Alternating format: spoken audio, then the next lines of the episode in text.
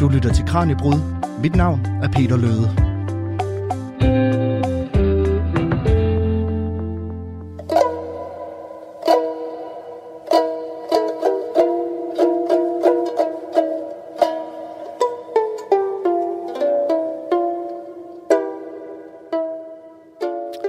De her toner, de er faktisk over 1500 år gamle.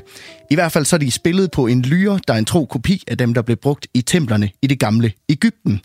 Og Michael Levi, som står bag det her nummer, han siger selv, at det er en hyldest til den egyptiske dødsgud Osiris, som han har udviklet sammen med arkeologer og historikere. Og det er altså hans bud på, hvordan Ægypterne måske kunne have brugt musik under det ritual, der skulle føre kongerne trygt ind i det næste liv nemlig balsamering og mumificering af den døde krop. Dagens Kranjebrud her på Radio 4 handler nemlig om de egyptiske mumier. De elgamle, velbevarede faraoner, som vi kender dem fra gravkammerne under pyramiderne i Giza og nekropolerne i Kongernes Dal. Og blandt andet så skal vi lære nogle af hemmelighederne bag, hvordan man sådan rent praktisk laver en mumie.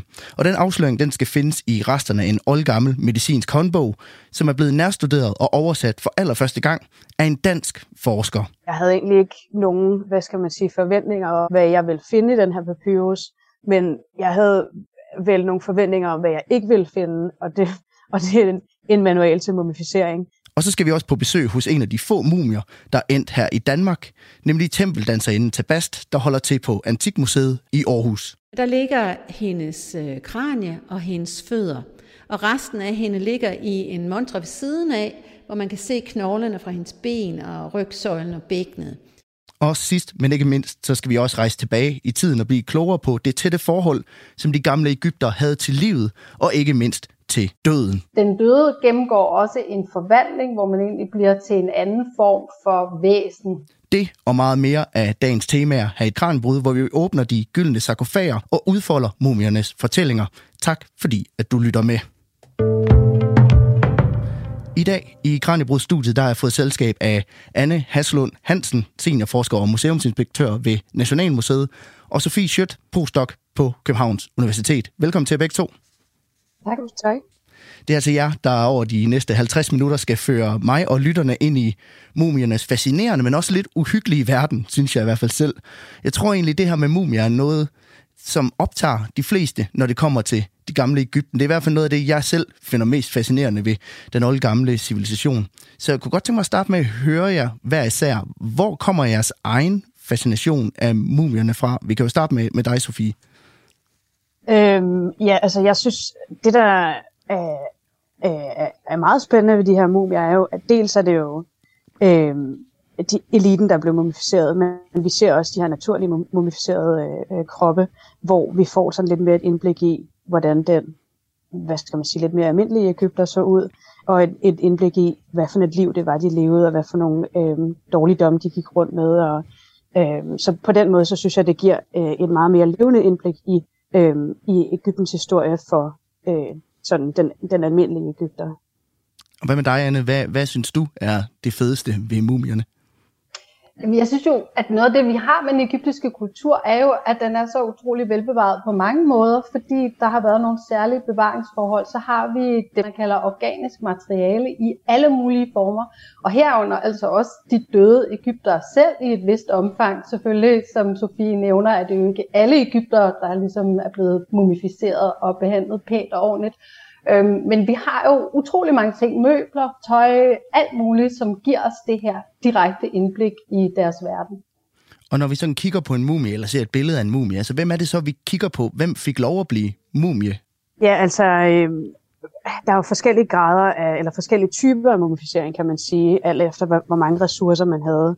Men sådan, den ideelle øh, øh, mumificeringsproces, det var ligesom kun øh, øh de royale og eliten, der, der gennemgik den men, men, øh, men alle kunne på sin, i sin grad blive, blive mumificeret. Det var så bare ikke lige, du ved, den, hvor det krævede alle de her mange, mange ressourcer. Øh. Og hvor finder vi egentlig egyptiske mumier hen? Altså er der mumier sådan hotspots rundt omkring i, i Ægypten, eller, eller hvordan? Hvor finder man mumier hen? Altså man kan egentlig godt sige, at der er sådan nogle hotspots, øh, men det er egentlig primært fordi, altså vi finder dem jo på, der er sådan nogle kæmpe store gravpladser rundt omkring i Ægypten, øhm, og især øh, den gravplads, der hedder Saqqara, er der rigtig mange øh, mumier, der, der er blevet fundet øh, både i øh, altså, øh, de sidste par århundreder, men også øh, altså, der stadig i dag. Øhm, men samtidig så finder du dem også øh, altså, nærmest, jeg, jeg skulle til at sige, midt ude i ingenting. Altså, der har også været sådan helt almindelige gravpladser for de helt almindelige mennesker, hvor der også er, er, hvor du kan finde mumier nede i sandet. Øhm, så de er altså mere eller mindre over det hele, vil jeg sige. Men hvad er det, der gør, at mumierne så er så velbevaret i dag? Ja, altså dels er det jo øhm, den her proces med at Øh, altså de har stanset alle de her forrådnelsesprocesser, øh, og det har de gjort øh, både kunstigt, altså ved hjælp af at dehydrere kroppene og tilføje alle mulige former for aromatiske salver og den slags ting. Øh, men dels er det jo så også sket naturligt, fordi hvis man øh, i Ægypten øh, i, øh, kommer en, en, en afdød ned i sandet, så er det simpelthen så varmt, at øh, den, den her krop bliver udtørret så, så hurtigt, øh, at alle de her forrådnelsesprocesser stopper. Men der findes jo også ikke kun menneskelige mumier, der findes også mumificerede dyr for eksempel. Altså hvad er det for nogle dyr, Anne? Altså, man har fundet sådan nogle store underjordiske kamre, hvor, hvor dem, der ligesom har tilbedt de egyptiske guder, som kunne have form som dyr, øh, har ligesom afleveret en gave til guderne, og de ligger i, altså, i milliontal nogle steder. Øh, og det kan være ibisfugle, det kan være katte, øh, falke, ting, som tapper ind i den egyptiske religion, og hvor den enkelte har haft mulighed for at, at købe sig en gave til guderne. At de så nogle gange er meget lækkert lavet, og andre gange lidt mere sådan rustikke, kan man måske sige. Nogle er faktisk helt tomme. Øh, det, det er der sådan en del forskning, som nu ligesom antyder, at vi skal måske ikke altid se det som, at folk bliver snydt, men måske øh, kunne man bare købe ting i forskellige kvaliteter, og på samme måde var mumier af mennesker også i forskellige kvaliteter. Og om lidt, så skal vi zoome lidt ind på noget af din forskning, Sofie, for du har gjort noget ret spektakulært i egyptologkredse. Du har faktisk opdaget og oversat en oldgammel guide til, hvordan man simpelthen laver en mumie, og det skal vi høre mere om lige om lidt. Du lytter til Radio 4. For nogle af de eneste skriftlige levn fra de gamle Ægypters kultur er de såkaldte papyrusruller, en form for papir, som de fremstillede af maven fra papyrusplanten, der voksede overalt ved Nilens bredder. Og det kunne man så bruge til at nedfælde alt, hvad der rørte sig omkring en fra magiske formularer til historier og officielle dokumenter. Men desværre så er det stærkt begrænset, hvor mange af de her papyrusruller, der findes den dag i dag. Og dermed så er deres indhold og viden altså også gået tabt for evigt. Men Sofie Schødt, du har jo faktisk undersøgt en af de overlevende papyri som en del af dit phd projekt der var finansieret af fonden Eduba. Den papyrus, du har arbejdet med, det er den, der hedder Papyrus Louvre Carlsberg. Øh, kan du prøve at forklare helt kort, hvad det var, du håbede at finde i den her tekst? Øhm, jamen, altså, jeg, jeg havde egentlig ikke rigtig nogen, øh, hvad skal man sige, forhåbninger inden. Jeg vidste, så på det tidspunkt, jeg startede mit phd projekt der, øh, havde vi, der havde vi nyligt købt øh, i Carlsberg-samlingen en, altså stumper af en medicinsk papyrus. Og det er sådan, medicinske papyrer er ret nemme at, at genkende i forhold til, til indhold, men også den måde, de ser ud på. Øhm, så jeg vidste bare, du ved, at det var noget med, med medicin. Øhm, og så var det sådan set, mm, ikke helt tilfældigt, men vi havde en idé om, at det måske tilhørte samme papyrus, som de havde indkøbt øh, på Louvre-museet nogle år forinden. Øhm, så jeg, jeg gav mig i kast med at undersøge det her, og fandt ud af, at de rent faktisk var en del af, af samme papyrus. Øhm, og jeg havde egentlig ikke nogen, hvad skal man sige, forventninger om, hvad jeg ville finde i den her papyrus. Men jeg havde vel nogle forventninger om, hvad jeg ikke ville finde, og det, og det er en, en manual til mumificering.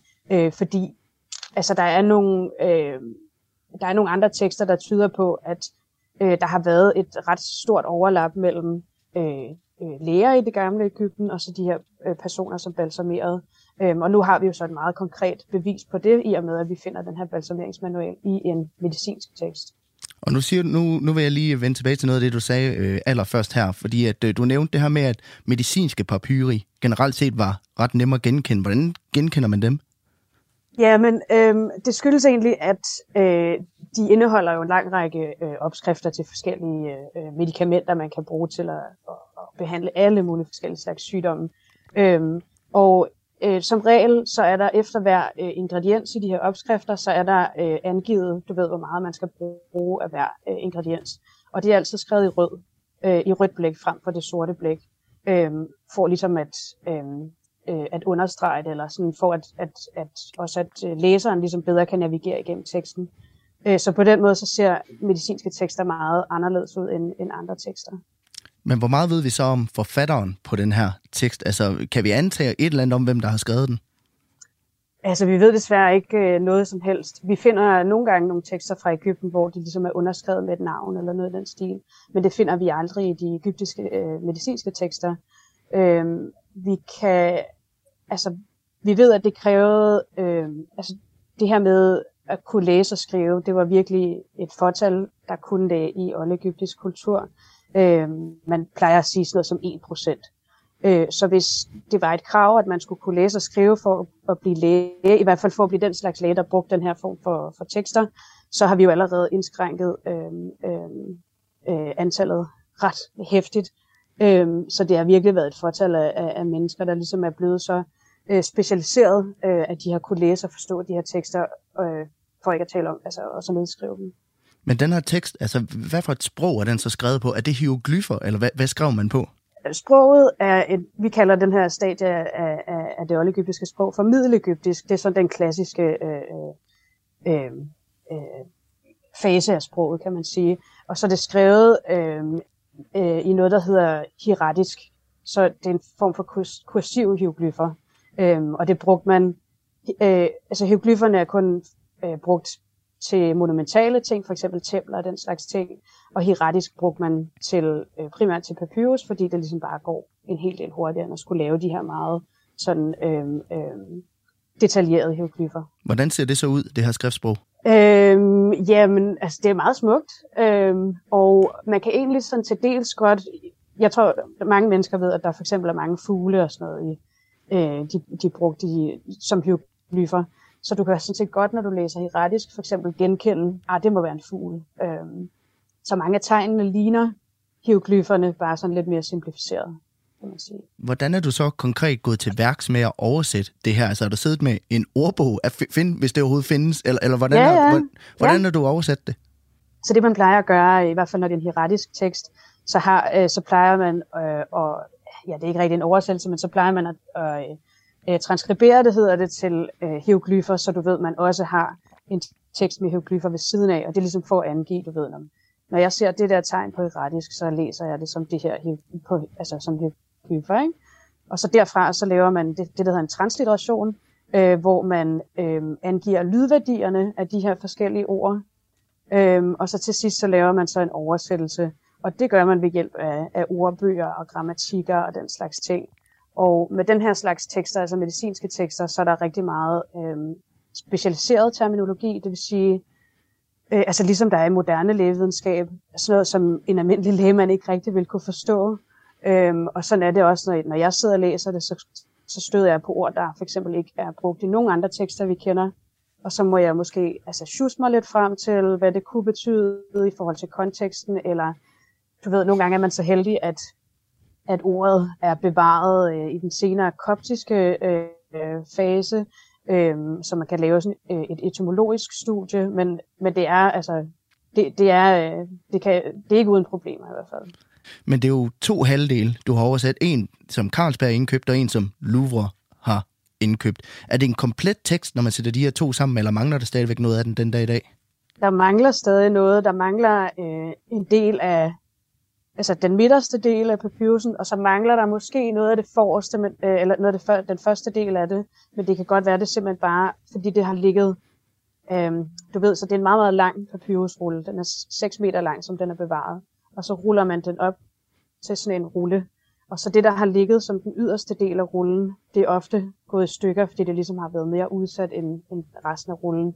Øhm, så det, at vi mangler den første del af papyrusen, det, øhm, det kan også bare skyldes, at, øh, at den måde, det ligesom har været øh, foldet sammen på.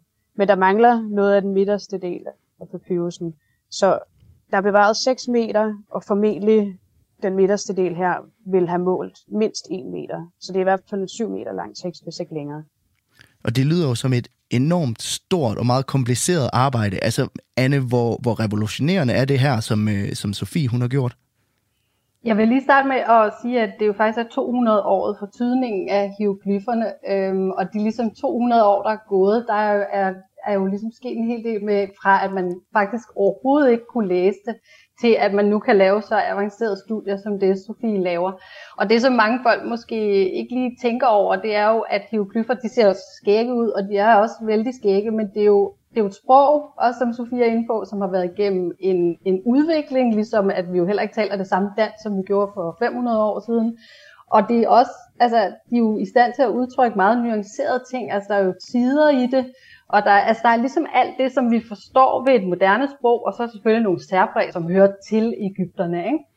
Øhm, så, og, og som Sofie siger, jamen, der er jo også unikke ord, som sikkert kun findes i denne her tekst, og det, det skyldes jo mange forskellige ting. Både at vi ikke har hele, hele alt, hvad Ægypterne har skrevet ned, men jo også, at, at de enkelte personer havde nogle bestemte vokabularer, som vi så her nu, så lang tid efter, skal prøve at sidde og trænge ind i, og det er vældig imponerende, og altså det som, som øh, altså man kan sige, jeg synes det er meget fint, Sofie, at du siger, at jeg vidste egentlig ikke lige, hvad, hvad det var, øh, og det er jo også noget af det, der er smukt ved at sidde med sådan nogle primære kilder, at de som regel åbenbarer noget, og her er det så en, en, en øh, jeg, jeg synes det er lidt af en sensation, fordi mumificering, som er altså noget, som man har talt vældig meget om, øh, og været meget fascineret af, har vi ikke tidligere haft så gamle kilder til, så Sofie er ligesom inde i, hvor de sådan egentlig taler lidt om det i samtid, og ikke som sådan et øh, mytologisk noget, som nogen senere har hørt om en, en græker eller en romer, der kom på besøg i Ægypten og ville høre om det her fænomen. Her er vi direkte inde i en samtidig kilde, og det, det er virkelig super og rigtig spændende. Og Sofie, inden vi, øh, inden vi lige går videre, så kunne jeg godt tænke mig at høre, altså jeg har jo heldigvis aldrig lavet en mumie. Jeg har aldrig stået i den situation, men jeg har engang bagt en kage, og jeg ved, at hvis man ikke lige har det, som opskriften siger, så bruger jeg bare lige noget andet i stedet for. Altså er det det samme med mumier? Kan man se, at de divergerer fra opskriften en gang imellem, fordi de simpelthen ikke lige havde det, man skulle bruge? Ja, altså formentlig, der, altså de mumier ser ud på tusindvis af forskellige måder, så det, der bliver beskrevet i øh, de her få tekster, vi har, det, må, altså, det er den, den ideelle måde at gøre det på. Men øh, der har helt sikkert været en hel masse praktiske forhold, som de har skulle tage stilling til, og som har gjort, du ved, at, at, øh, at, at, at sådan endt måske lidt anderledes, end, end hvad øh, der ligesom var idealet. Og de præcise hemmeligheder i den her papyrus omkring balsamering, de får altså lov at forblive hemmeligheder lidt endnu. Men bare roligt, vi skal nok afsløre processerne og de hemmelige ingredienser bag den gode balsamering senere i programmet.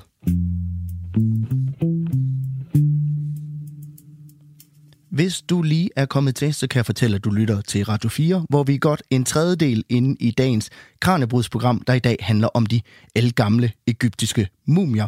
Dem vi kender fra pyramiderne, og som du måske har set, hvis du nogensinde har været på British Museum i London.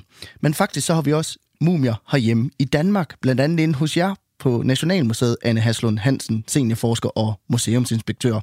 I har faktisk en af de ældste og største mumiesamlinger i hele Skandinavien.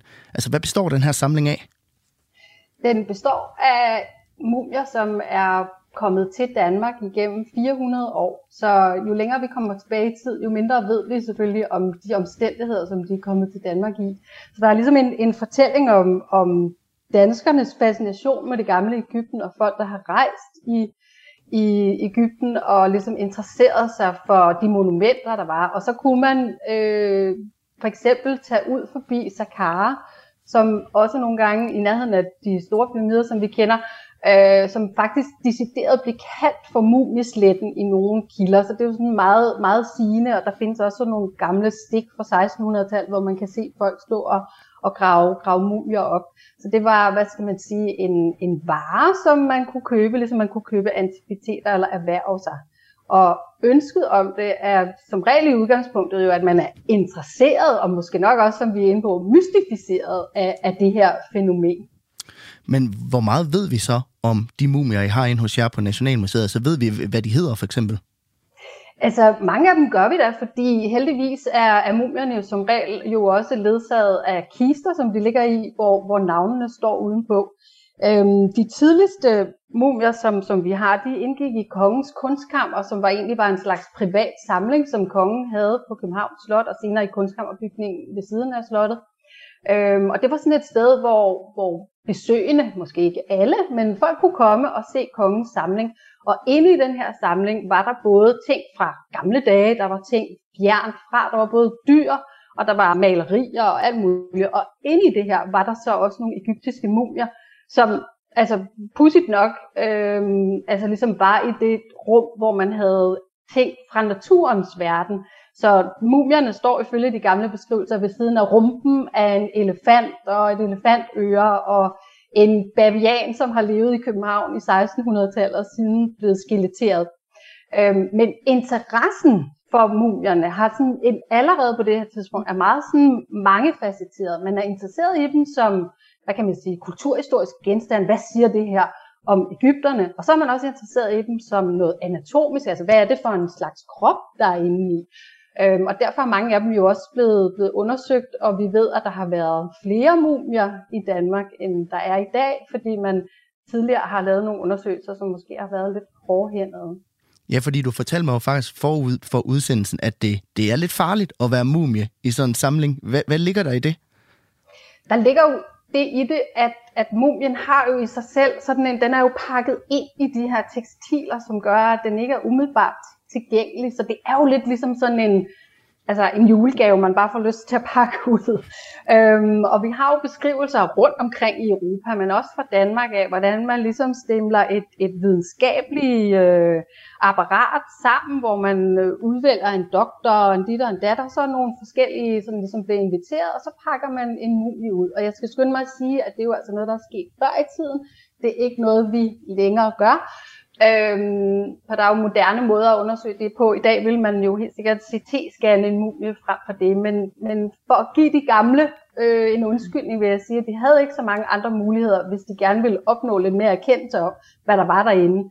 Og, øh, og det kan være sådan ret grafisk, når man læser, hvordan de ligesom har undersøgt det, fordi det er jo noget med at, at skære, og det er noget med at prøve at se, øhm, om det kan opløses de forskellige substanser, fordi man var også interesseret i, hvordan kunne den her krop være bevaret. Så det er sådan en kemisk analyse og en anatomisk analyse og en kulturhistorisk analyse midt i hinanden, som sådan vælter rundt sammen. Ja, for man pakkede jo blandt andet en mumie ud på Nationalmuseet i 1941 under krigen. Altså, hvad var det, man fandt der?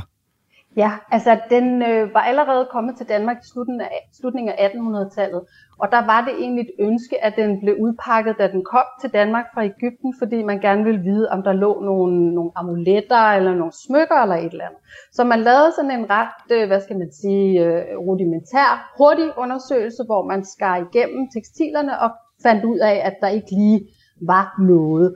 Og, og det er noget, hvad er det, man leder efter, når man undersøger en mumie? Det skifter nemlig også, fordi i 1941 besluttede man sig til at kigge nærmere på mumien, Øhm, og der var det et andet fokus, der var det ikke så meget måske amuletter og guld og alt det der. Der var man faktisk interesseret i, hvad mumien var pakket ind i.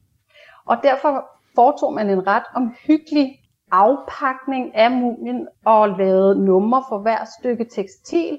Og det gav i dag en helt unik samling af egyptiske tekstiler, øh, i det her tilfælde fra omkring 700 før vores tid, øh, som i dag er altså blandt nogle af de, det lyder underligt, men blandt nogle af de relativt øh, sjældne store tekstilsamlinger, som findes, fordi ofte når mumierne blev pakket ud, så havde man ikke styr på det der og, og smed det ud, eller det forsvandt, eller også er de ikke pakket ud, og så kan man ikke se på det. Så jeg beskriver det som et, et held i uheld. Altså, man pakkede den ud, det vil man ikke gøre i dag, men man fik faktisk noget rigtig spændende ud af det, og som, som kunne bruges i, i forskningen af tekstiler, som jo er et forskningsfelt i sig selv, hvordan lavede Ægypterne stof. Ja, for man kan jo ikke pakke en mumie ind igen, øh, når først man har pakket den ud. Og så når vi undersøger mumier nu om dagen, så nævnte du selv, det, øh, det, at man CT-scanner dem simpelthen. Og det gjorde jeg jo selv ved nogle af jeres mumier for, for nogle år tilbage. Hvad, hvad fandt I ud af der? Ja, altså man kan jo kigge på dem på en anden måde, end hvis man røntgenfotograferer dem, fordi, og nu er jeg jo ikke ekspert på det, men, men røntgen er ikke helt lige så sensitivt over for, for ligesom tekstilerne for eksempel. Men en CT-scanning, og der har du også øh, uh, CT-scanning, der kan du ligesom dreje billedet, og du kan klippe det i skiver på alle mulige måder. Og det, man, altså igen, det er jo ikke fordi, vi egentlig sådan øh, havde et spørgsmål andet end, var der nogen derinde, kan man sige. Det var der så heldigvis. Men så er det ligesom, alle spørgsmålene kommer bagefter, kan man sige. Hvad så kan man pludselig begynde at beregne på, måske hvor meget tekstil er der omkring det her. Er der noget overraskende? Vi scannede for eksempel en ibismumie, som, som viste sig ikke at indeholde en hel ibis, men kun vingen, og så lå vingen på sådan et, en seng af fjer. Og, øh, og når man nu ikke måske havde råd, eller ikke fik en hel ibis, så er det jo faktisk meget sådan stil at det er vingen, som er fuglens mest sådan, klare karakteristika. Øhm, så det havde vi ikke lige set, at, at det var det, der kom ud af det, og på den måde er det jo en meget, meget nænsom, skånsom måde at undersøge på, og som samtidig øh, giver nogle helt nye indblik i, i, hvad der er derinde. Og nu har vi hørt en lille smule om de danske mumier, og især nogle af dem, der gemmer sig i jeres samling på Nationalmuseet, Anne. Så derfor så tænker jeg, at vi skal forlade studiet for en stund, for simpelthen at tage ud og se en af de oldgamle Ægypter i levende liv. Sådan da. Du lytter til Radio 4.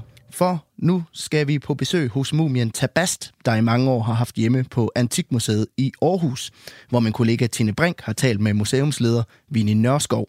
I museets faste udstilling kan man nemlig se den balsamerede tempelsangerinde og hendes kiste, og inde i trækisten, der er flot dekoreret med hieroglyffer, der ligger Tabasts kranje og fødder, mens resten af Tabast ligger i en anden glasmontre ved siden af. Og den her mumie, den blev doneret til museet af en fabrikant ved navn Løstager i 1951, der købte hende i en kunsthandel tilbage i 1940'erne.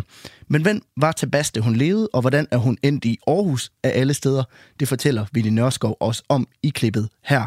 Det er en kiste, som har tilhørt en kvinde, øh, fra det gamle Ægypten i omkring 1000 år før Kristus. Øhm, og vi ved fra hieroglyferne, som dekorerer kisten, at hun hed Tabast, eller Tabaseti, som betyder hende fra Bastet, regner vi med. Og øh, hun har en titel, der hedder øh, øh, Sangerinde ved Amons tempel, så hun har sandsynligvis været en del af templets personale.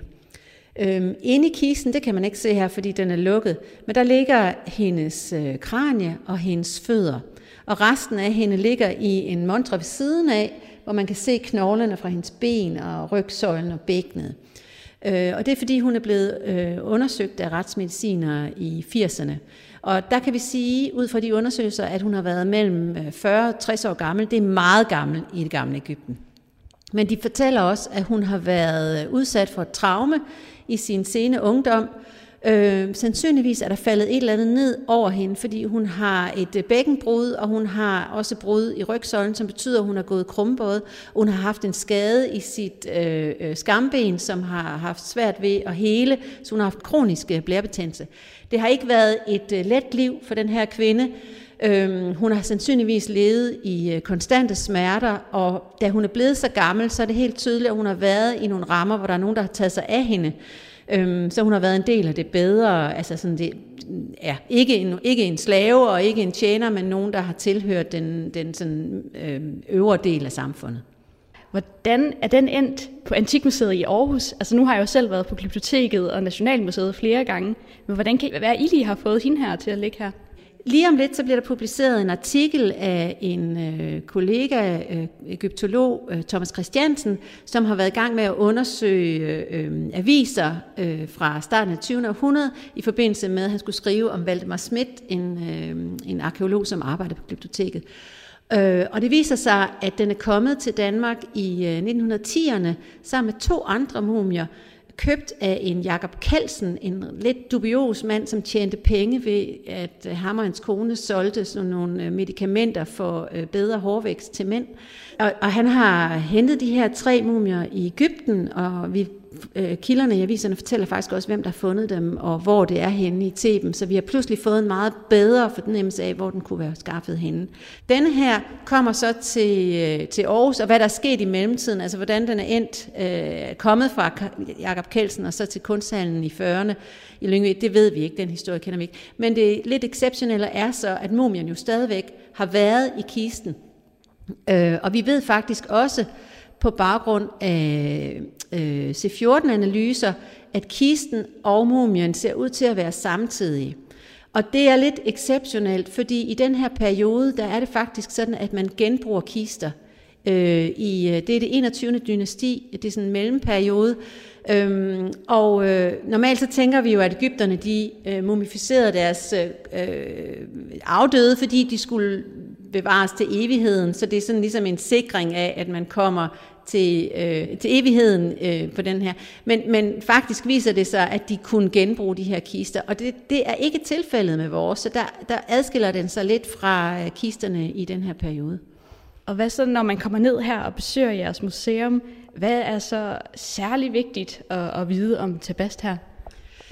Øhm, altså man kan sige, at de her øh, kister, de er jo øh, utrolig smukke øh, og er dekoreret med forskellige billeder, som man kan stå og kigge på. Og det er billeder af, af den her øh, døde bog, som fortalte om de forskellige ritualer, man skulle igennem for at sikre evigt liv.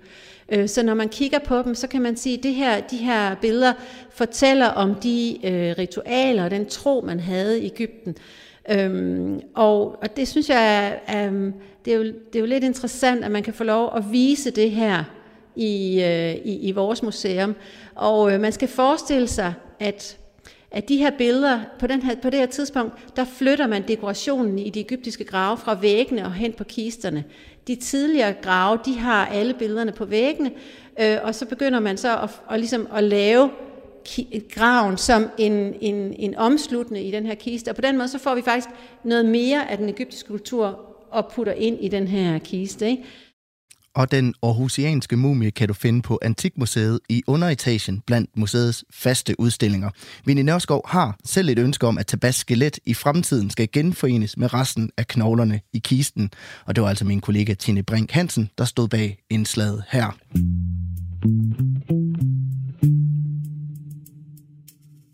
Hvis du er kommet til i mellemtiden, så kan jeg fortælle, at du lytter til Kranjebrud, det daglige videnskabsprogram her på Radio 4, hvor vi altså i dag er rejst 3.000 år tilbage til det gamle Ægypten for at afsløre nogle af hemmelighederne bag de egyptiske mumier. Mine gæster i dag er Sofie Schødt, postdoc på Københavns Universitet, og Anne Haslund Hansen, seniorforsker og museumsinspektør ved Nationalmuseet. Og tidligere i programmet, Sofie, der talte vi lidt om dit Ph.D.-projekt, hvor du oversatte en papyrustekst fra år 1500 før vores tidsregning med støtte fra fonden Eduba. Og den her øh, skriftrulle, den gemte altså på en form for elgammel, kan man kalde det guide til, hvordan man balsamerer en afdød. Kort sagt opskriften på, hvordan man laver en mumie. En proces, som Ægypterne gjorde en del ud af at holde hemmelig, men som vi altså løfter sløret for nu. Og øh, jeg kan afsløre, at en af ingredienserne er voldsomt meget natron. Øhm, for Sofie, du har jo ind, i dagens anledning inddelt den her mumificeringsproces i fem trin, baseret på det, der står i den her papyrus. Og nummer et, det er jo, at man klargør kroppen og fjerner indvoldene. Hvordan gjorde man helt konkret det? Altså, den her klargøring, jeg snakker om, eller refererer til, det handler egentlig bare om, at når øh, personen dør, så øh, laver de en form for rituel renselse af kroppen, øh, både for ligesom at, hvad skal man sige, gøre den ren til at gennemgå den her, den her øh, transformation, jo, som, som er øh, øh, altså hellig på en eller anden måde, øh, men også sådan af rent praktiske årsager formentlig. Øh, så det vil sige, at de rengør kroppen, og så fjerner de øh, indvoldene gennem sådan et lille snit i den venstre side af, af, af maven, eller sådan den nederste del af maven. Øh, hvor lang tid ja. går der fra, man er død, til man, til man begynder den her proces? det er faktisk et rigtig godt spørgsmål, og noget, der er sådan ret omdiskuteret, fordi der er nogle tekster fra Ægypten, der snakker om, at, at der er sådan en periode på fire dage, før man starter øh, den her proces. Men jeg har meget svært ved at tro på, at det skal tages for gode varer, fordi hvis, du, hvis, man, hvis der er nogen af jer, der nogensinde har været i Ægypten om sommeren, så ved jeg også, hvor ulideligt varmt det er. Og efter bare en enkelt dag, så vil kroppen være altså det vil være enormt svært at, at behandle den. Altså hvis du, hvis du prøver at skære kroppen op efter en enkelt dag og prøver at fjerne de her indvolde, så er det nærmest ligesom at, altså, at bare stikke hånden ind i noget, det ved jeg ikke, syltetøj eller sådan noget. Altså det er nærmest umuligt. Og efter fire dage, så altså, der vil du allerede se, du ved, øh, kropsvæsker begynde at altså, komme ud af, af alle åbningerne, og fluer og alt muligt utøj, der, der sidder fast i, i, i kroppen lige pludselig. Øhm, så jeg vil formode, at der går så kort en periode som muligt. Øhm, men det er ikke noget, der står beskrevet. Men hvad for nogle redskaber bruger man så til at fjerne indvoldene? Øh, jamen formentlig bare øh, ens øh, arm. Altså det har været, det, og det har virkelig krævet enormt mange, øh, altså en enorm styrke. Øh, det, sådan, jeg ved ikke, jeg ved ikke rigtigt, om jeg kan komme i tanke om noget, man kan sammenligne det med. Men sådan, det er selvfølgelig, altså bare det der med at stikke armen ind i, det er bare sådan et lille bitte snit i kroppen, Øhm, og så få fat i de her indvold, som jo egentlig er ret sådan, altså det er ikke fordi de, de smutter ret nemt ud af hånden på en, øhm, og nogle af dem er nemmere at, at nå end andre, men når du skal op igennem mellemgulvet for eksempel, så kræver det sindssygt mange kræfter. Øhm, så det har virkelig været nogle, altså nogle, nogle veltrænede mennesker, der har stået for det her. Og så begynder man så at dehydrere kroppen, og det foregår jo, beskrev du, i intervaller af fire dage frem til slutningen af dag 35, hvor man ligesom markerer hver af de her intervaller med en procession. Hvad, hvad er det for en procession?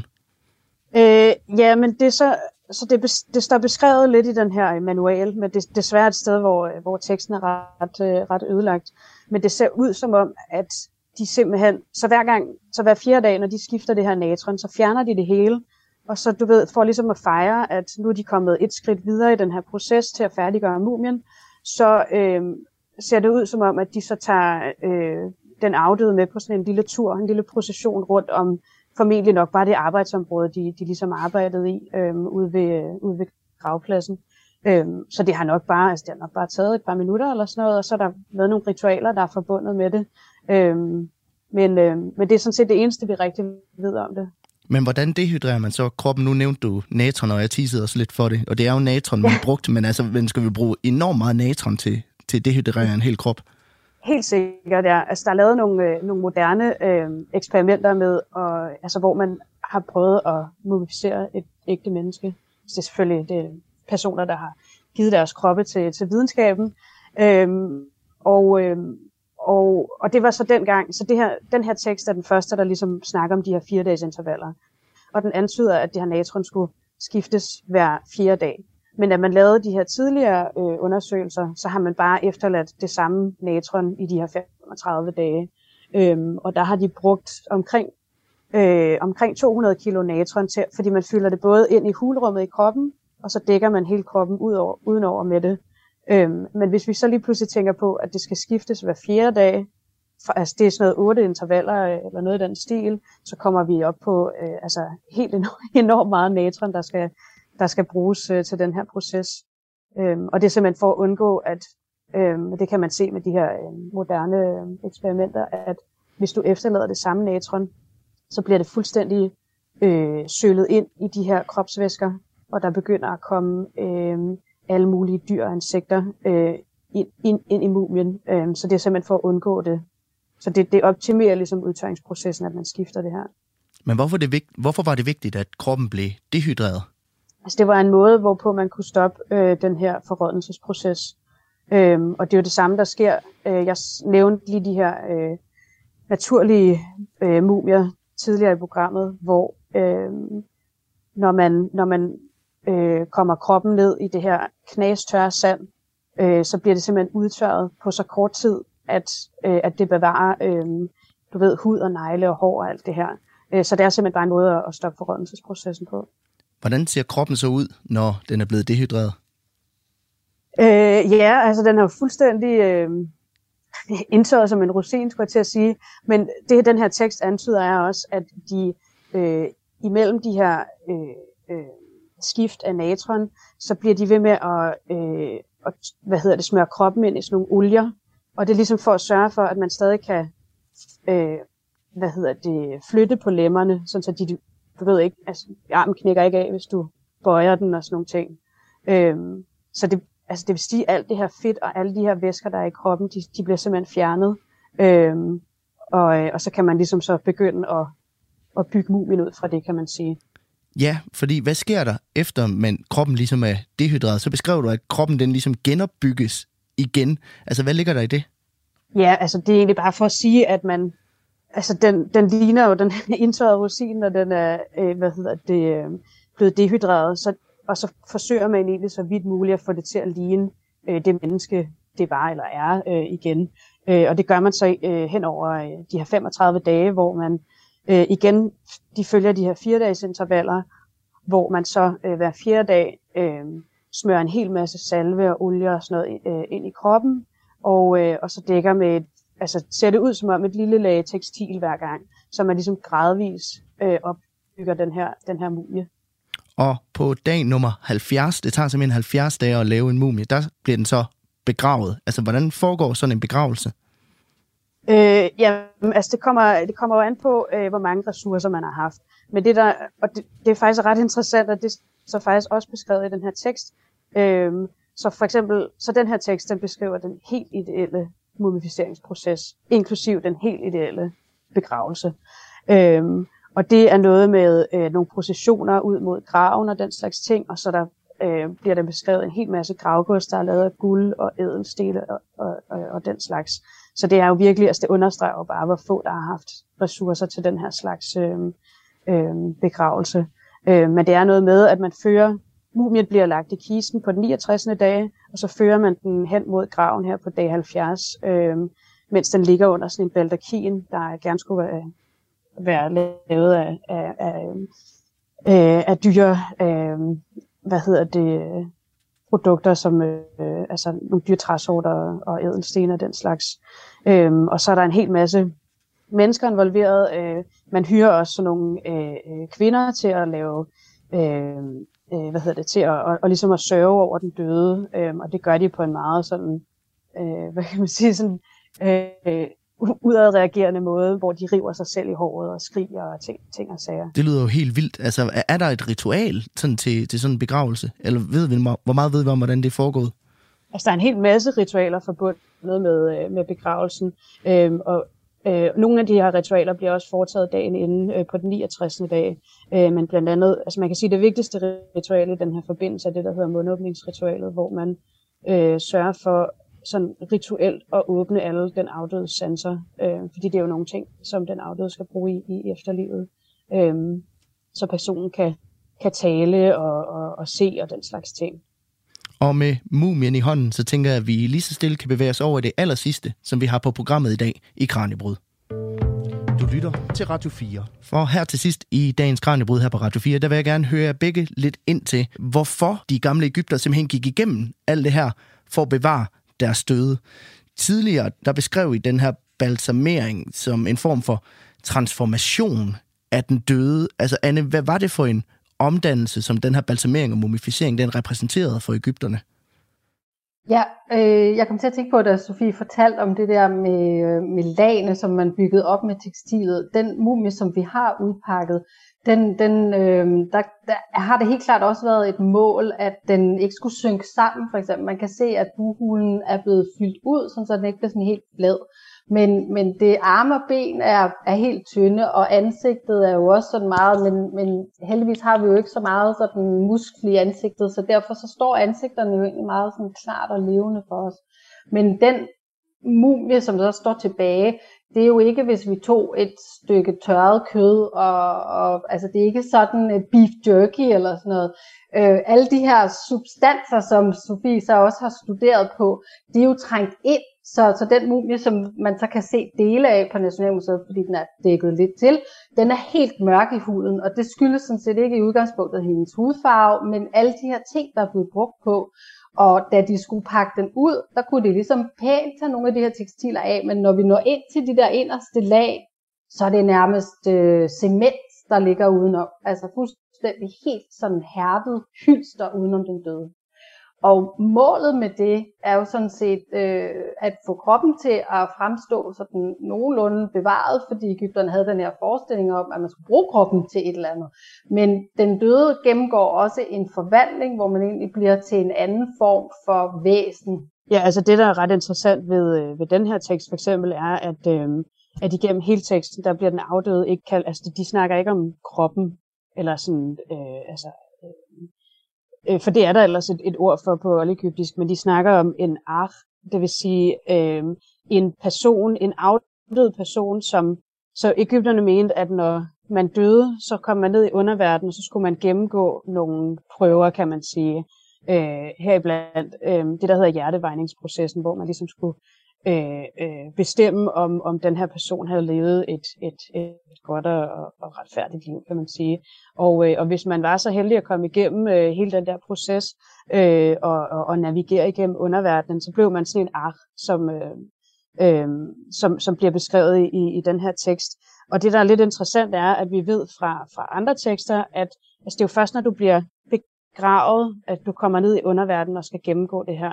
Så det vil sige, det er først efter hele mumificeringsprocessen, øhm, så det, at den her tekst, den bliver ved med at, at, at, at, at, omtale den her person som en ark, an, øh, antyder på en eller anden måde, at lige så snart du bare starter på det her mumificerings, øh, altså den her proces, så, så, så er det øh, altså en selvfølge, at du kommer igennem det her hjertevejningsritual, øh, hvilket sådan, altså det antyder, at, at, at bevarelsen af kroppen havde en kæmpe stor betydning øh, i, øh, i den her sammenhæng. Øh, men, øh, men, men Ægypterne mente jo, at, at, at en person øh, bestod af mange forskellige dele.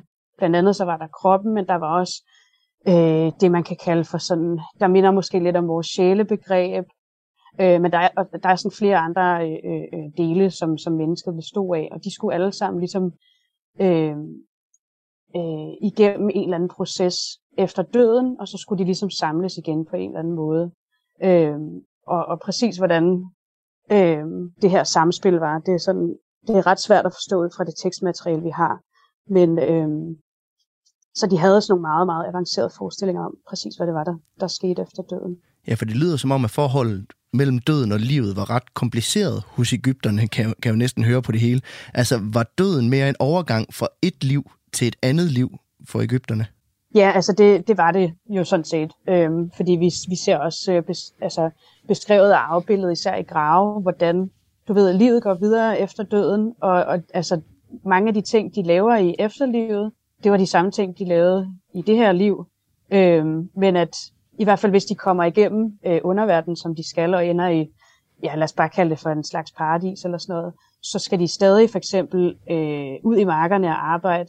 Men så, hvis, de var rigtig, hvis de var rigtig smarte, så havde de øh, sørget, for, sørget for at få nogle tjenere med sig i døden. Altså ikke ægte mennesker, men, men sådan nogle små øh, øh statuer, nogle shabtier, som så kunne, kunne arbejde for dem i, i efterlivet. Så på den måde var øh, efterlivet basically ligesom øh, som det her liv.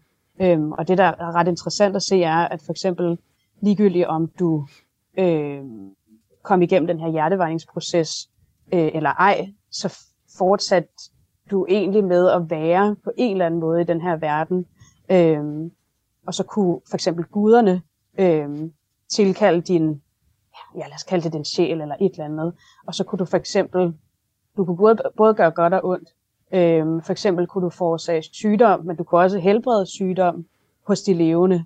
Øhm, så, så, så livet sluttede sådan set ikke rigtigt. Så du blev en form for, for spøgelse på en eller anden måde? Der, der ja, det kan man sige, ja. Øh, og du kunne både være god eller og dårlig. Ja, der findes jo i hvert fald tekster, hvor, hvor man ligesom har skrevet til de døde, at nu må de godt holde op med at, at hjemsøge de levende, fordi nu, nu er man altså træt af dem på en eller anden måde.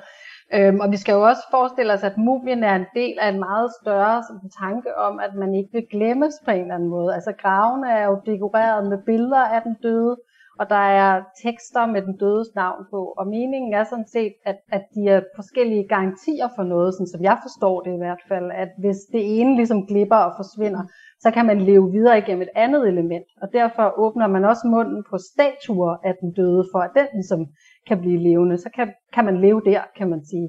Og, og altså, det er jo svært at vide, i hvorvidt omfang de levende faktisk besøgte de døde ude på kirkegården. Vi andre er måske heller ikke altid så flittige til at komme med blomster til mormor. Men, øh, men man kan i hvert fald se, at de har en forestilling om, at der er en kontakt. Og der er sådan en meget fin grav, synes jeg, hvor man faktisk kan se, den døde er ligesom kommet op, ser det ud til. Der er sådan en halv billede af ham, og så holder han hænderne fremme sådan her ved det centrale kultsted i graven, hvor man kunne få adgang til, og ligesom rækker ud og siger, giv mig noget næring. Så de har ligesom brug for det er en eller anden form for udveksling, hvor de døde har brug for et eller andet, og det hjælper man så de døde til at være sikker på at få ved at lave de her billeder og ved at mumificere dem. Men det er komplekst, helt sikkert, og det er også noget, der, der er så fantastisk fascinerende ved den oldegyptiske kultur. Det er jo, at det ikke bare er simpelt, men et helt mindset, vi skal prøve at komme ind i. Anne Haslund Hansen og Sofie Schødt, det bliver alt, hvad vi nåede i dagens mumificerede program af Kranjebrud. Tusind tak, fordi I har lyst til at være med. Selv tak.